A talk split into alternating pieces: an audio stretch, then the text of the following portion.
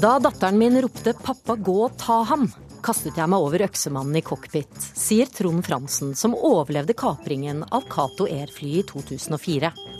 Vi har alle et ansvar for å avverge terror, mener psykiater. De tynne må slutte å herse med de tykke, sier Erling Dockholm. Jørgen Foss vet alt om hvordan det er å være stor mann på trang trikk. Rumpa mi er rett og slett større enn plassen, eh, og det gjør at folk vegrer seg for å sette seg ved siden av meg, selv om det er en stappfull trikk. Og det er så dyrt å ha et barn som satser på fotball, at de med dårlig økonomi ikke henger med, mener redaktør som frykter Norge går glipp av talenter. Vi har møtt en syvåring som trener seks dager i uken. Det er morsomt å spille, og så, så selv om jeg har eh, Lego, så, så jeg må drite i det. Velkommen til ukeslutt. Jeg heter Åsa Vartdal. Og kjenner du deg litt ekstra lykkelig nå som Norge er kåret til verdens lykkeligste land? Senere i sendingen skal en melankolsk finne få helle litt kaldt vann i blodet på deg. Men først London onsdag ettermiddag denne uken.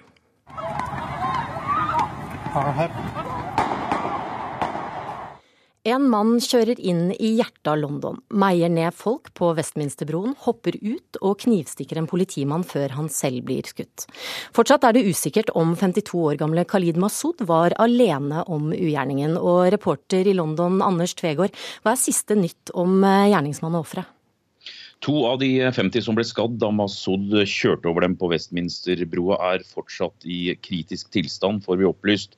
Eh, politiet jobber med å kartlegge gjerningsmannens historie. Han var ikke på etterretningens radar, men tida hans i Midtøsten kan kanskje gi noen spor. Saudi-Arabias ambassade her i London bekrefter at han har besøkt kongedømmet flere ganger, sist for to år siden.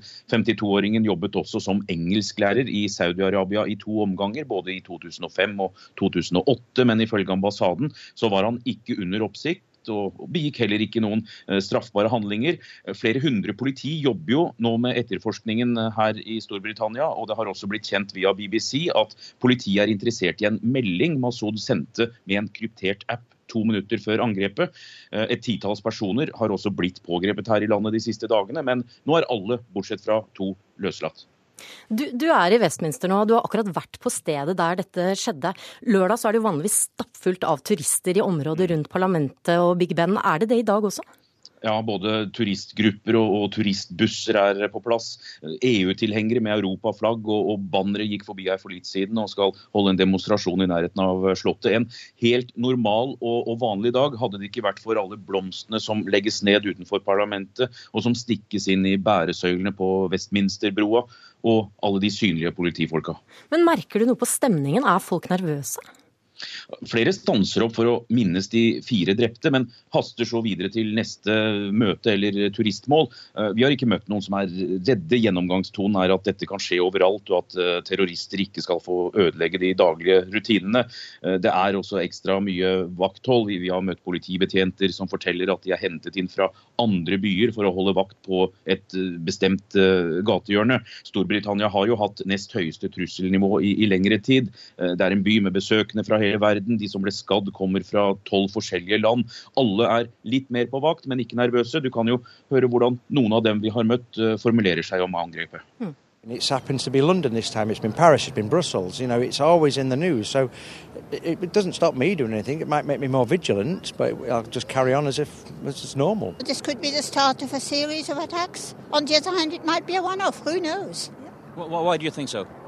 That it could be a start of a well, because you got lone wolves. You know, people who copycats and things like that. I don't exactly think that, but I think it could be. Vi hører kvinnen her si at hun frykter at det er flere ensomme ulver der ute. Hvordan blir britene oppfordret til å forholde seg til terrortrusselen? Bevar roen, meld fra om du ser noe, eller keep calm and, and carry on, som uh, motivasjonsuttrykket vel heter. Selv parlamentet hadde normal arbeidsdag dagen etter angrepet. Folk blir oppfordret til å, å leve helt normalt, ikke la seg splitte eller skremme av terror. Og Etterretningstjenesten her har, har, heller ikke fått massiv kritikk, som i andre europeiske land som har fått terroren hjem. Takk til deg, reporter Anders Tvegård. En bil og en kniv var altså alt det gjerningsmannen trengte for å ta liv og spre frykt. De enslige terroristene som angriper sivile med enkle våpen øker i omfang. I 2015 og 2016 ble antallet terrorangrep utført av såkalte ensomme ulver i USA og Europa fordoblet, sammenlignet med de fire årene før. De går under etterretningstjenestenes radar, og ekspertene sier vi må forberede oss på flere slike angrep.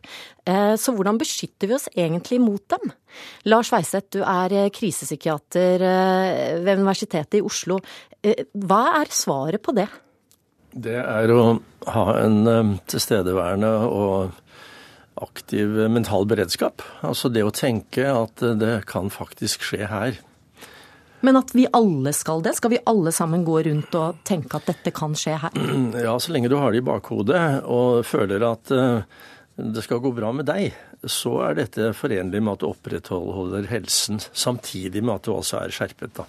Men er vi for dårlige til å gjøre det sånn som det er nå? Følger vi for ja, lite med? Ja, jeg tror altfor mange har denne følelsen, og med for så vidt god grunn, at det kommer ikke til å skje her. Men hvis vi skal da gå rundt og være redde og tenke at det kan skje noe det kan skje noe hele tiden. Vil vi ikke da fort ende opp med at alle går rundt og, og skuler på hverandre, og, og, at folk som ikke har noen skumle hensikter, blir mistenkeliggjort? Det er jo en risiko. Men vi har et eh, særdeles godt utgangspunkt, fordi nordmenn har jo større tillit til andre mennesker enn noen andre. Så vi har en god del å gå på, og det er den naiviteten kanskje da, som vi skal eh, eh, utfordre litt. Du mener det er særlig ett eksempel i vår nære historie som viser hvordan vi som enkeltmennesker kan avverge denne type hendelser. Hvilken, eh, hvilken, episode er det? Ja, Det er det mest ekstreme eksempelet vi har faktisk i hele verden. Og det var kapringen av Cato Airfly fra Narvik i 2004. Eh, hvor vi eh, studerte da etterpå besetningen og passasjerene og det vi kaller overlevelsesreaksjoner. Og det er dit vi skal nå, for vi eh, skrur klokken tilbake til 29.9.2004. Alt er tilsynelatende normalt denne formiddagen om bord i Cato Airs flight 605, som er på vei fra Narvik til Bodø. Men det skal bli en flytur ingen av passasjerene vil glemme. Idet flyet nærmer seg Bodø, så reiser en mann seg, går fram til cockpit og angriper pilotene med øks. Og eh, Trond Fransen, du eh, er med oss fra Narvik. I det flyet så sitter du sammen med datteren din på 15 år. Hvordan reagerer du når dette skjer? Ja, man tror jo nesten ikke først at uh, Man tror det er en drøm, ikke sant. Men uh, etter få sekunder så skjønner man at det ikke er en drøm, at det faktisk skjedd uh, her også. Så da, da vekkes det til live instinkter som man ikke vet man har, både på reaksjon og, og alt. Jeg så jo bare at han røyste seg, og det var ikke så stort, det flyet, så han hadde kanskje bare fire-fem skritt frem mot cockpit. så Første tanken var at uh, her er det en som røyser seg for å gå frem og spørre om et eller annet. Men uh, et sekund etterpå så ser jeg bare at han tar handa frem i beltelinningen, og så kommer han opp med ei øks uh, som han da går rett inn i cockpit og slår i hodet på først kaptein og så styrmann. Så jeg reagerer jo på at her hva skjer nå? Flyet begynte jo å stupe umiddelbart og lage utrolig farlige bevegelser. og så jeg lurte på om han kom til å komme ut igjen og begynne å angripe øksa ut eh, blant passasjerer, eller hva, så, hva blir han å gjøre nå? Men det var datteren din som fikk deg til å, til å, til å ta, ta, grep? Ja, i hvert fall sterkt delaktig til det. For um, det var en annen passasjer, Odd Eriksen, var jo òg med i flyet. Han så ikke at det var heva våpen, eller noe sånt. Han så bare at det var en mann fremme i cockpit som, eh, som laga trøbbel. Så han bare gikk rett frem og prøvde å få han ut av cockpit. Eh, og nå har vi altså kanskje Vi var jo på en høyde på eh, 1200 meter, så det er ikke mange sekunder du har ned til bakken. kan du si. Så, så sekundene gikk jo fort her. Men jeg så jo fort at han ikke klarte med han her mannen i det hele tatt. Og så roper dattera mi 'pappa, gå og ta han'. Eh, så kom jeg meg imellom da, og eh, fikk han ut av cockpit etter det. Det er selvfølgelig en del dramatikk i detaljene her, men eh, det er i hvert fall kortversjonen. Så dere klarte å overmanne han, og bare 30 meter over bakken så får altså pilotene kontroll over flyet igjen, og dere lander ja. på, Bode, på flyplassen i Bodø. Når skjønte ja. du at dette hadde gått bra?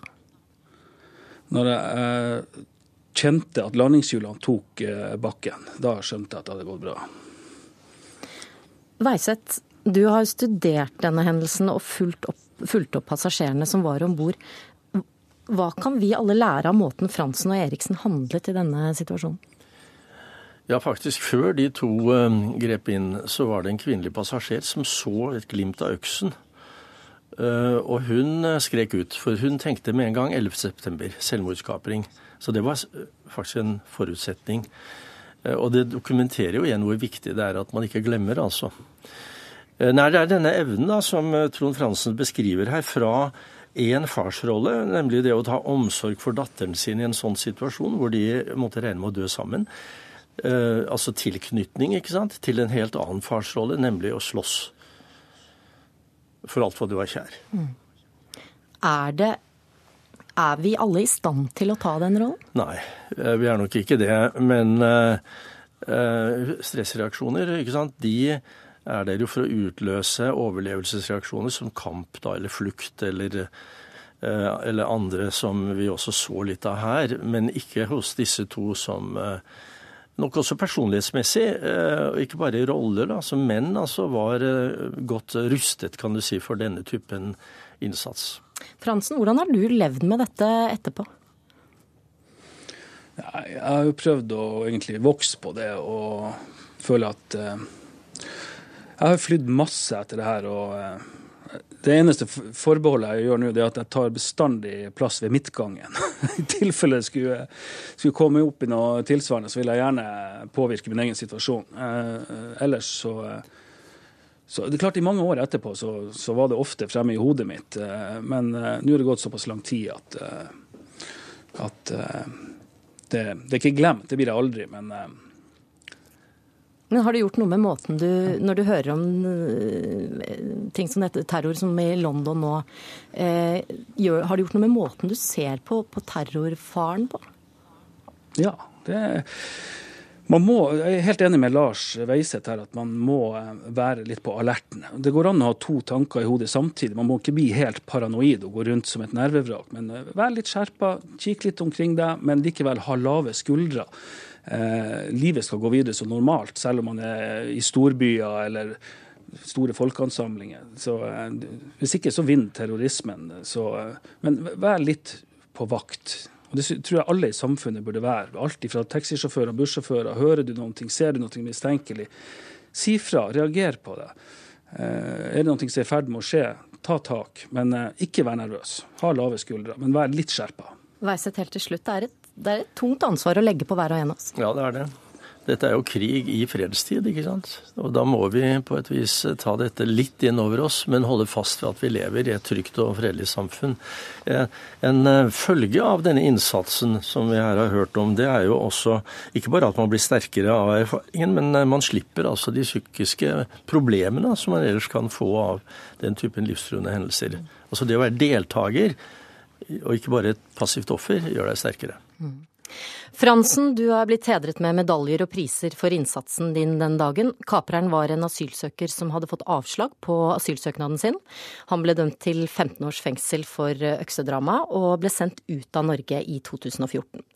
Takk til dere, Trond Fransen og professor i psykiatri Lars Weiseth.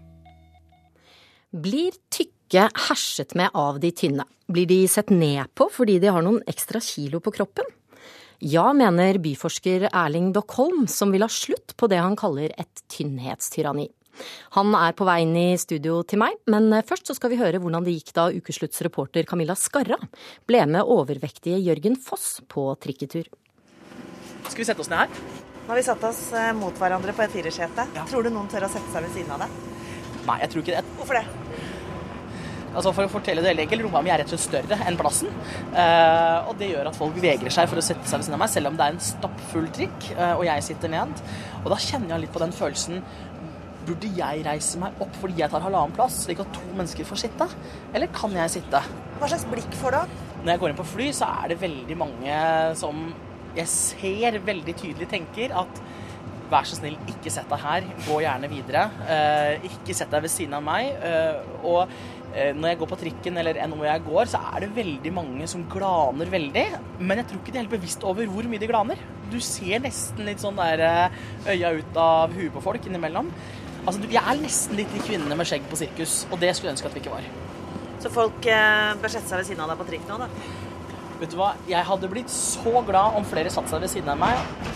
Eh, skal vi ta et eksperiment, da? Det kan vi prøve. på. skal jeg sette meg ved siden av deg. du? Får jeg plass? Får plass, det er jeg sikker på.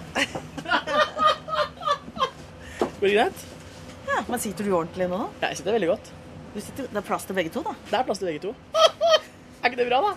Ja. Det er hyggelig, da. Veldig Ja. koselig. Erling Dockholm, du er altså byforsker, men også tidligere medlem av Nasjonalt råd for fysisk aktivitet. I Dagsavisen denne uken så advarer du mot det du kaller tynnhetstyranniet. Hva er det egentlig? Det er det at vi i samfunnet har fått en overordnet eh, samtale. Eh, Det som foregår i TV og aviser og radiokanaler om at folk skal trimme mer, de skal bli tynnere, de skal ta vare på seg selv. Og det er selvfølgelig vel og bra, men vi er, må også være fullstendig klar over at denne typen eh, propaganda, da, som det i ordets egentlige forstand er, fungerer ikke så veldig godt hvis vi ønsker at folk i snitt skal være tynnere, så må vi se på de grunnleggende årsakene. Og vi må gjøre noe med dem, ikke drive en sånn form for overbevisning og moralisering. Men du kaller det hersing? Ja, jeg tenker jo det, fordi at eh, jeg har lagt merke til mange situasjoner eh, som er slik at mennesker som har mye fett på kroppen, føler seg ubekvemme overalt. Eh, Jeg sto i en flykø nylig, og da sto det en veldig tykk person i eh, køen, og jeg tenkte instinktivt, og jeg håper jeg ikke kommer ved siden av den personen. Og jeg tror alle normalvektige har det sånn. Og dette, det, er, det er helt naturlige reaksjoner, men vi må jobbe med de fordommene vi har. Og så må vi prøve å løse disse utfordringene eh, på et samfunnsplan, og ikke gjøre dem til individuell eh, normative utsagn. Altså, det må ikke bli moralisme. Så, eh, seksjonsoverlege Samira Lekal ved Senter for sykelig overvekt i Helse Sør-Øst.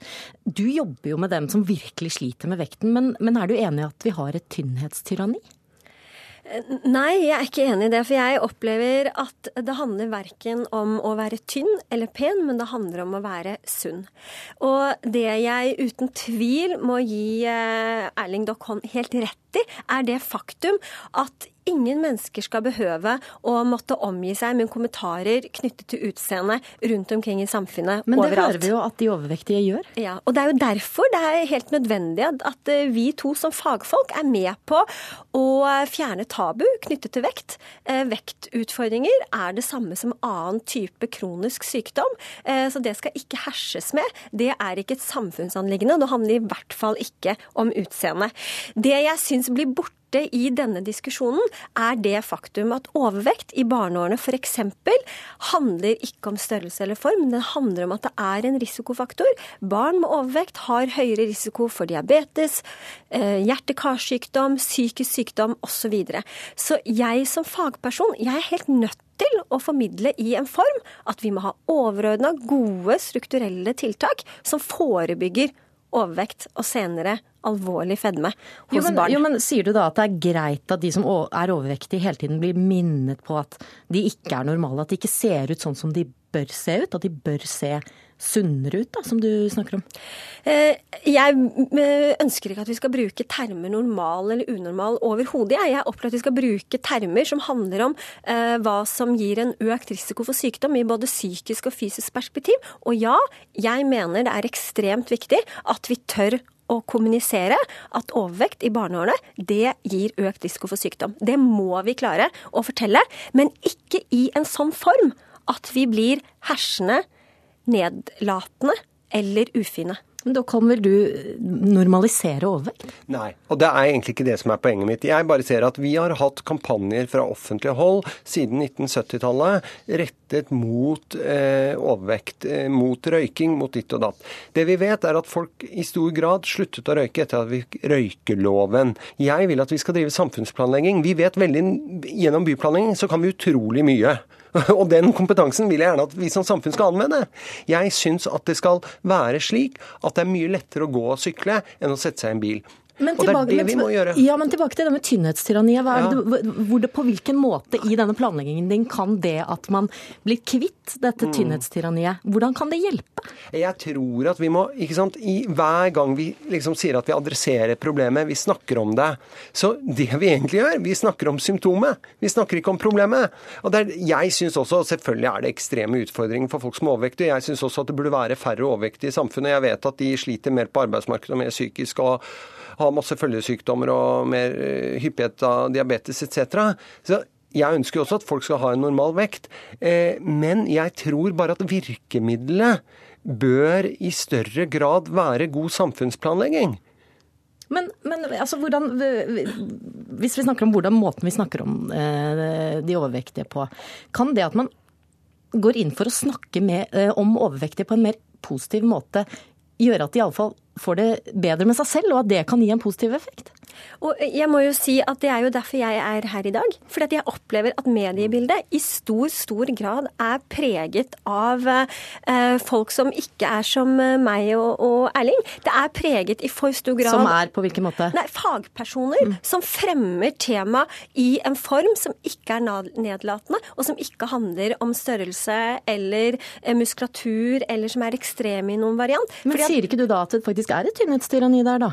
Eh, Jo, og det er jo det vi er enige om, og det er det jeg vil, det det jeg vil til, til livs. Men jeg kan ikke eh, bekrefte at vi, vi kan ikke slutte å eh, si at overvekt faktisk er en risikofaktor, for det er det. Og av alle ting du og jeg er uenige om, så er vi enige i det faktum at vi må slutte å kun snakke om symptomer. Ja, vi må snakke om symptomer, men, nei, symptomer, men vi må også snakke om noen av løsningene. Og da inviterer jeg deg på stående fot til vårt lanseringsseminar 30. mars.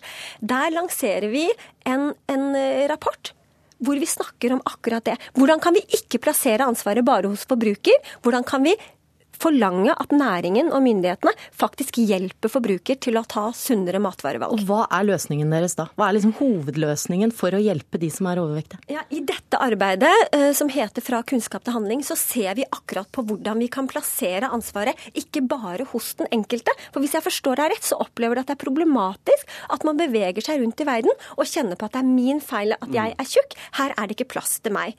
Så ønsker jeg å flytte fokuset over fra det individuelle ansvaret, som handler om et stor i kroppen, til også å tydeliggjøre og løfte det samfunnsansvaret alle har. Så her er det næringen, f.eks. Vi må lære oss og vi må utfordre næringen på å designe matbutikker, restauranter, skolekantiner, som gjør det lett for både ungdom og voksne å velge sunt. Helt til slutt, Dockholm. eh, Tynne har også et ansvar. Hva skal til for at du og andre ikke da tenker åh nei, må jeg sitte ved siden av han som er tykk på, på trikken eller på flyet? Vi, vi må jo alltid jobbe med fordommene våre, og det er litt å være en god samfunnsborger her å gjøre det. Og så syns jeg vi har et annet ansvar, da. Og det er at når vi vet at ting ikke fungerer, så bør vi ikke gjøre så mye av det. Sånn som sånne kampanjer for alt mulig. Men vi bør, holdningskampanjer er jo noe man bruker når man egentlig har gitt opp. Men man bør heller gjøre det vi vet funker. God byplanlegging, god tettstedsplanlegging. Eh, absolutt legge skatt på sukker og subsidiere grønnsaker. Altså, Det er masse elbiler i Norge. Hvorfor? Fordi det er masse avgiftsfritak. Dette kunne vi gjort med frukt og grønnsaker også. Og så slutte å herse med de som har noen kilo ekstra. Vet du hva, vi må heller liksom sørge for å lage et positivt samfunn hvor det er naturlig og gøy å bevege seg, istedenfor å trekke fram de som ikke klarer det. Fordi det er et underliggende og litt større problem her. Hvem er det som blir overvektig? Dette er også litt klassemessig. Det er slik at jo høyere inntekt du har, og jo høyere utdanning du har, jo tynnere er du. Og dette kan jo bare, Vi kan bare tenke, si noen stikkord. Vi kan si Trump, vi kan si brexit, og så kan vi tenke over det òg. Da sier jeg tusen takk til dere, Erling Dockholm og Samira Lekal. Du hører på Ukeslutt i P1 og P2. Fortsett med det, og hør at vi er verdens lykkeligste. Ja, så lykkelig, det er liksom noe, noe mer Noe mer enn å være glad. Den egentlige lykken er friheten til å være sur, mener Finne, som fnyser av at nordmenn er på lykketoppen. Og i natt skal vi stille klokkene én time fram. Da blir det fort kaos for folk og fe. Norges tidssjef kommer hit, hvis han rekker det.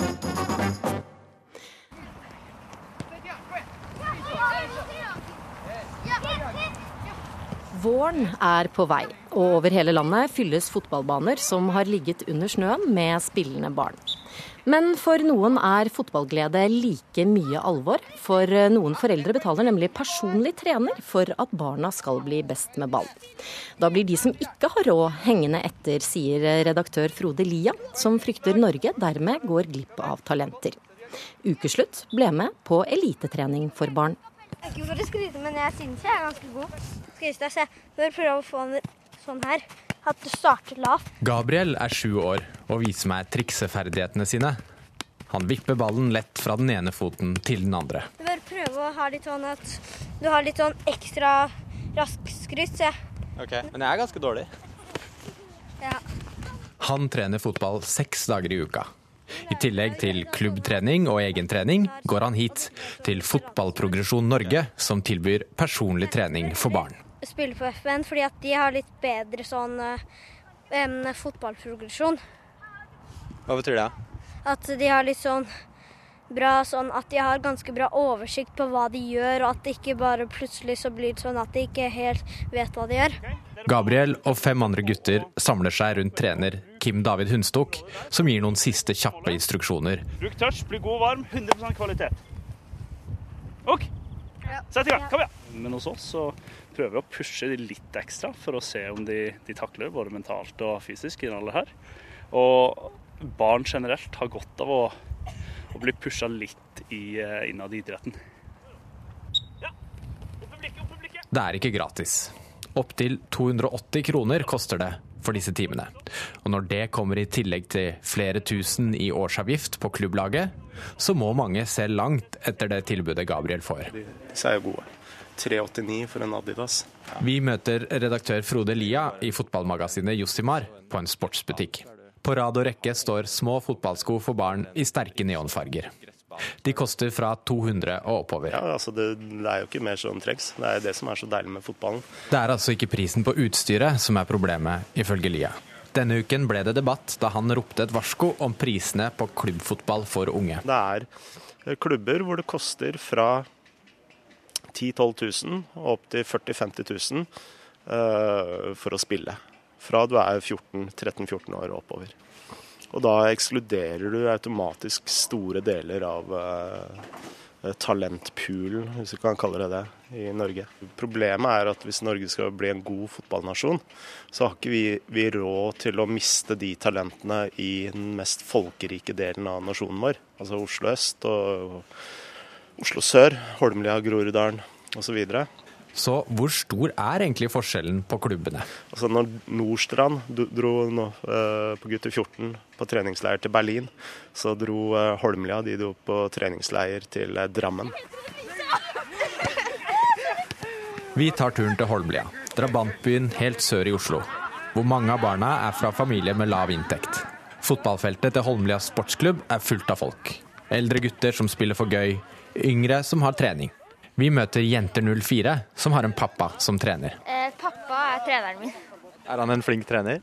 Ja, jeg syns det. Han er ikke så særlig streng og forventer ikke at vi klarer alt sammen. Styreleder Benjamin Brekke Nærstad innrømmer med glede at spillerutvikling ikke er førsteprioritet her.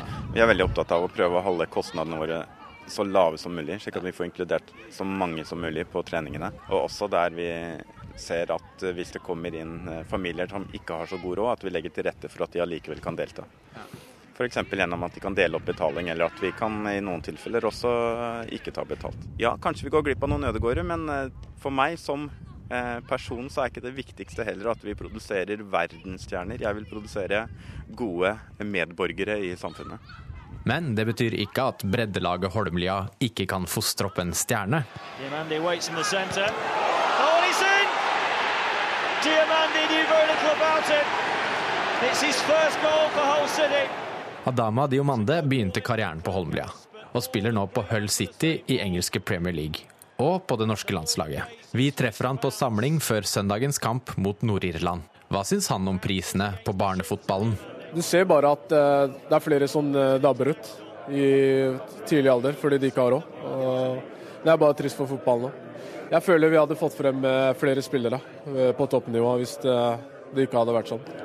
Nei, Jeg var jo heldig og fikk en hospitantkontrakt i Lyn. da jeg var eh, ja, 17 år. Og, og det ble dekka. Vi er tilbake på treningsfeltet med Gabriel. Det, det var gøy. Er du, er du sliten? Eh, nei, jeg er ikke sliten, men eh, varm. Tui og Maiho har også sønnen sin her, og de mener klart at personlig trening er verdt pengene. Så FP1 er egentlig den riktige tingen for Steven. Her eh, trives han veldig godt blant eh, de andre som er like gode. Så lenge de har det gøy og føler mestring, da. De føler de får til noe. Så er det verdt å, å betale litt ekstra for. Er ikke foreldretrenere gode nok? Nei. Nei, det tror jeg ikke. For her får du jo veldig bra tilbakemelding hva du kunne ha gjort bedre. Og Gabriel, han vet å prioritere beinhardt. Hvor, uh, hvor god har du lyst til å bli? av?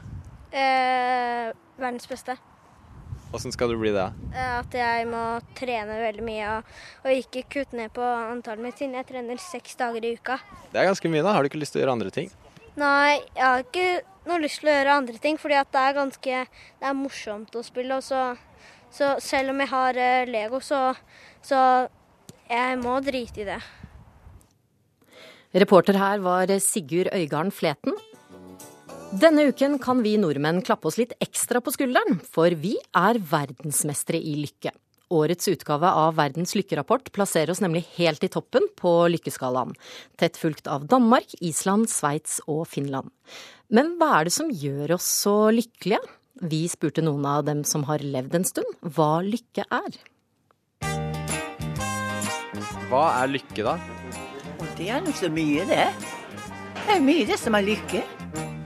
Lykken finnes på vår jord, bare ikke der du tror. Det er vel en indre fred, da, eller en god følelse.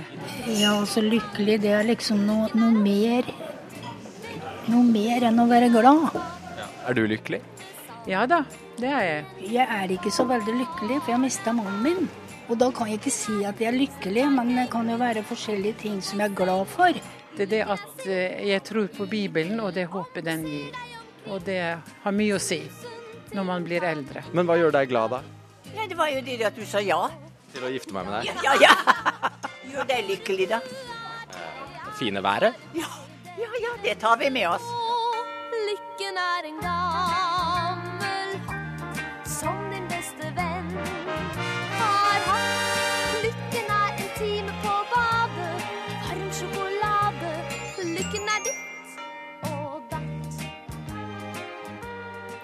Kunstner og forfatter Bjørg Toralsdottir, du har bl.a. malt og skrevet boken 'Veien til lykke'. Er du et lykkelig menneske? Ja, det vil jeg. Jeg har bestemt meg for at hver morgen så vil jeg våkne opp og kjenne på glede. Men er det noe du bare kan bestemme deg for? Jeg tror at det er et valg som man tar. Man velger hvordan man tenker, og velger om man vil være et offer i livet sitt, eller om man har lyst til å ta kontroll selv. Og det er like mange vakre ting som grusomme ting. Velger, du velger selv hvor du har fokus, og der du har fokus, der gror det. Ja da, ja da, der gror det lykke. Men hvilke ting er det som gjør deg lykkelig, da? Det gjør meg lykkelig å ha fred med meg selv, å ha det godt med meg selv.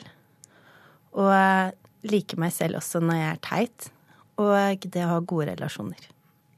Sanna Saroma, du er finne, forfatter og feminist, og du er med oss fra Finland. Irriterer Bjørgs lykke deg? Nei, på ingen måte. Altså, jeg unner jo henne og alle andre all den lykken de måtte ha. Det er jo bare, det er bare hyggelig. Men det betyr jo ikke at min form for lykke er lik hennes. Men hva er din form for lykke, da? Ja, altså jeg tror kanskje at, at jeg, jeg, jeg våkner ikke hver dag og tenker at å, dette blir en fantastisk dag. Det tror jeg er litt, litt for tilgjort. Altså at jeg, jeg kan godt være, og jeg tror også jeg er litt sur når jeg våkner. altså litt Sovet litt for lite, og i hvert fall sur fram til jeg får kaffe. Jeg, jeg tror liksom at min lykke er litt mer dempet. altså Den der uttrykksformen er litt mer finsk. altså at det er ikke noe, er ikke noe sånn, Vi er ikke noen sprudlende mennesker på denne måten at vi, at vi på en måte viser til hele verden at nå er vi jammen lykkelige. Men hva er gærent med det? Du skriver altså i VG denne uken at det er noe tvangspreget over den norske lykken. Hva mener du med det? Det var jo egentlig altså, det var noe som jeg hadde plukket fra den, eh, en sånn nettartikkel fra finske Yle, altså finsk NRK, som skrev så morsomt at lykke i Norge er et krav.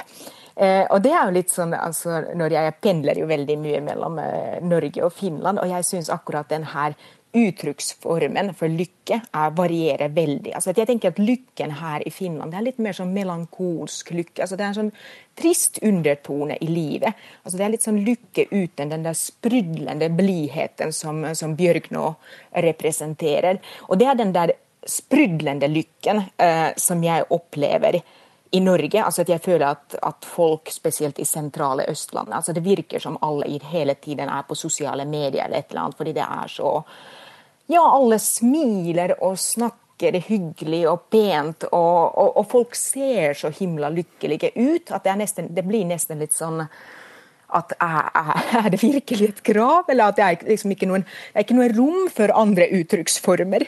Bjørg, da, det, nå hører du altså den lykken som du opererer med, falsk og irriterende, syns eh, Sanna Saroma den er. Må vi gå rundt og være så lykkelige hele tiden? Lykke er et valg. Uh, Men skjønner du at det kan være liksom irriterende, at den kan virke påtatt for noen? Jeg kan skjønne at det er veldig irriterende med et veldig gladmenneske om morgenen hvis man er litt morgensur. Det kan jeg forstå. For jeg tror jeg kan være ganske irriterende om morgenen for andre før de har fått kaffen sin. Men uh, for meg så er det ikke påtatt i det hele tatt. Jeg har opplevd å bli enke i ung alder. Jeg har opplevd flere overgrep. Jeg var så drittlei av å være ulykkelig og være trist at jeg tok et bevisst valg og tenkte jeg skal finne alle verktøy som fins, og jeg skal finne måter å tenke på, for at jeg orker ikke å ha dritt opp til halsen lenger. For når du har dritt opp til halsen, vet du, så må du ikke henge med hodet. Det er bare Sanna Saroma, er det et råd du kan da ta? Kunne du prøvd å være lykkelig på den norske måten? Kunne det ha gjort deg lykkeligere? Nei, altså jeg, jeg, tror ikke jeg trenger altså at jeg, hva skal jeg si, at jeg for så vidt jeg, jeg, jeg, kjøper jo argumentet at lykke til en viss grad er et valg. altså at jeg for så vidt jeg gjør og har jo gjort det samme valget etter all den Nå har jeg ikke akkurat blitt enke, men jeg bare for tre måneder siden så ble jeg dumpet av mannen min. Og det er jo ikke akkurat noe sånn at jeg føler meg at hurra, nå er jeg lykkelig. Eh, men jeg tenker at likevel så er jeg jo lykkelig, fordi jeg tenker at uh, jeg tenker at min lykke er kanskje mer av den melankolske sorten. altså at Det er en slags tristhet over livet. Men likevel velger jeg å se på det som, det som er positivt. Men jeg gjør jo ikke noe nummer av det. altså at, at Jeg er jo ikke noen sånn sprudlende blomst eller en blidsol. Uh, men jeg er generelt lykkelig. Espen Røysand, du er professor i psykologi og forfatter av boken 'Bli lykkeligere'. Eh, når du hører Bjørg og Sanna her, Bjørg sier hun er lykkelig, Sanna syns det er slitsomt med all denne lykken. Hvem tenker du bruker energien sin på feil måte her? Jeg tenker jo at det her er to fantastisk spennende perspektiver jeg, eh, som, som, er viktige på hver sin måte, og, og, og som er meningsfylte. Og, og, det er jo noe med at lykken er ikke noe tvang, lykken er en mulighet. Og så er det opp til hver enkelt av oss uh, å verdsette den eller den typen lykke. Eh, jeg, jeg, tror nok de fleste av oss tenker at vi, vi, ønsker oss lange liv og gode liv. altså Både for vår egen del og de vi er glad i. Og det gode livet kan inneholde intens lykke, det kan inneholde fornøydhet, det kan inneholde mening, engasjement, begeistring, mulighet til å gjøre ting du har lyst til. Sånn at de fleste verdsetter jo det på en eller annen måte.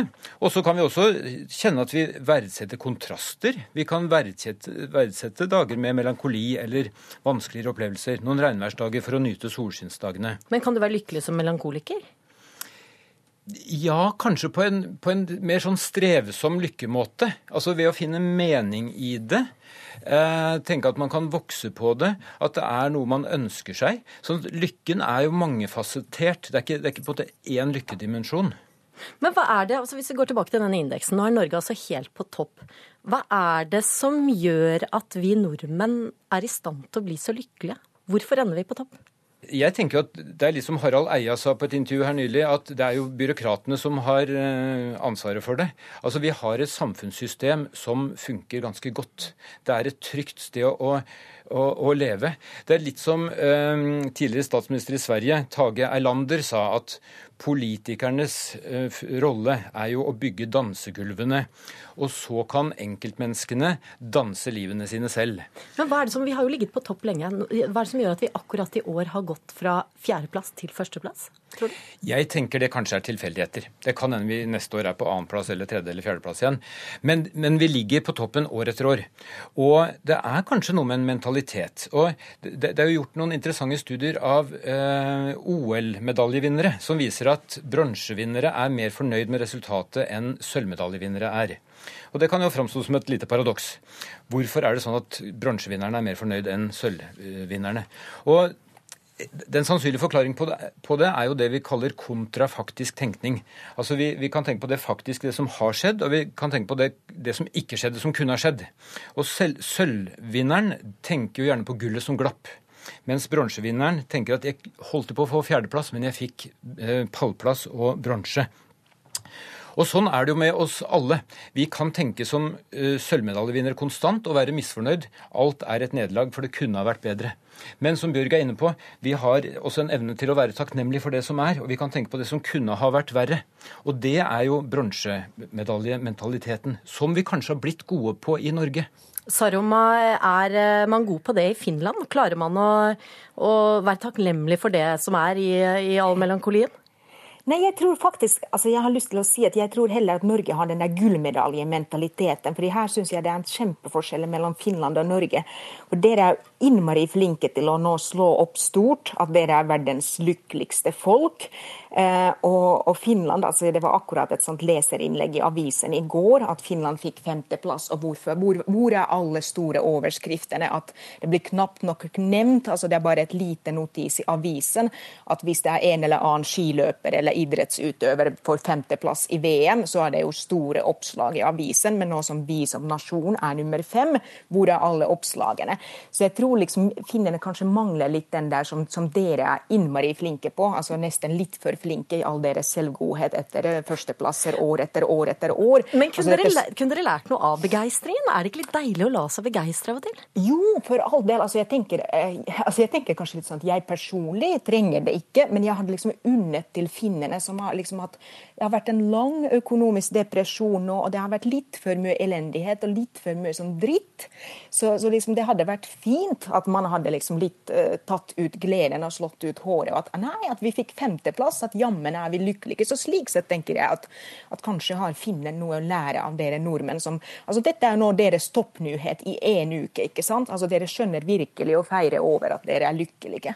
Toralsdottir, eh, helt til slutt. Tenker du at du kan lære noe av eh, finnene? Å være melankolsk. Å være litt sånn bluesbjørg. Kan hende at jeg og Sanna må ta oss et glass vin. Og prate litt sammen en sen kveld. Det, det holder ikke med ett glass for å bli ordentlig finsk. Fantastisk kommentar. Tu tusen takk til dere, Bjørg Toralsdottir, Sanna Sarma og Espen Røysam. I natt så skal klokken stilles én time fram. Kanskje ikke så farlig hvis du likevel har fri, men det kan bli en blåmandag for dem som liker å ligge lenge om morgenen. Og hele landets tidssjef, for det er faktisk tittelen din, eh, Harald Hauglin, du er fagansvarlig for tid og frekvens ved Nasjonalt laboratorium i Justervesenet. Hvorfor i all verden stiller vi klokka? Korte, korte svaret er at det er et, eh, en forskrift om sommertid, som også følger et EU-direktiv. Så EU og EØS-land er enige om at vi skal ha sommertid. Og det er praktisk at vi gjør det i takt med våre naboer. Men eh, bakgrunnen for, for ordningen med sommertid er at man ønsket å utnytte dagslyset bedre. Og det vil vi merke på, om ikke i morgen tidlig, så mandag morgen. Men på hvilken måte da utnytte dagslyset bedre? At vi ikke sover bort sommernatta, kan Ja, man si det. Nettopp. At vi får lengre lys om morgenen og kortere om kvelden? Ja, at vi, har, at vi har dagslys når vi er i den delen av døgnet hvor vi er i aktivitet. Da. Men, men det er veldig forvirrende, for det er jo ikke sånn at alle i verden stiller klokken nå. Russland de bestemte for noen år siden at de ville droppe å stemme og stille klokken og ha samme tid hele året. Kan hvert land bare bestemme seg for om de vil ha det eller ikke? Ja, det kan de vel i prinsippet gjøre. Og, og jeg vil tro land rundt tropene hvor det er veldig eh, lite variasjon i døgnlengden gjennom året, så har de ikke denne ordningen i det hele tatt.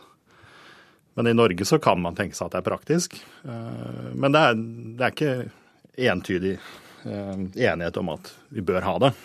Men foruten de av oss som syns det er sånn vondt å stå opp en time tidligere, hvem skaper eh, sommertid trøbbel for? Nei, Det er jo f.eks. For, for skiftarbeidere. Nattevakter kan jo Ja, nå, nå i, i morgen så får de jo faktisk en time kortere vakt, da. Men om høsten så er det noen som får en time lengre vakt. Eh, Og så kan det være problemer med eh, ja, melkebønder. Eh, Justervesenet har jo som oppgave å informere om sommertiden, men ja, hva skal man si, vi har problemer med å få fram budskapet til budskapen. Så melkebøndene kan komme i en tidsklemme. Eh, Og så er det ikke alle som har, har helt lett for å tilpasse seg en times eh, endring i, i døgnrytmen. Ja, Det skjønner jeg. Men ifølge en nordisk undersøkelse så er det bare 29 av oss som er fornøyd med å stille klokken. Det, melder, det skriver Dagbladet i dag. Hvorfor kan vi ikke da bare avskaffe det? Det er et politisk spørsmål. Ta det opp med din stortingsrepresentant. Det var ukeslutt. Ansvarlig for sendingen var Gry Veiby. Teknisk ansvarlig Eli Kyrkjebø. Jeg heter Åsa Vartdal. Ha en god helg.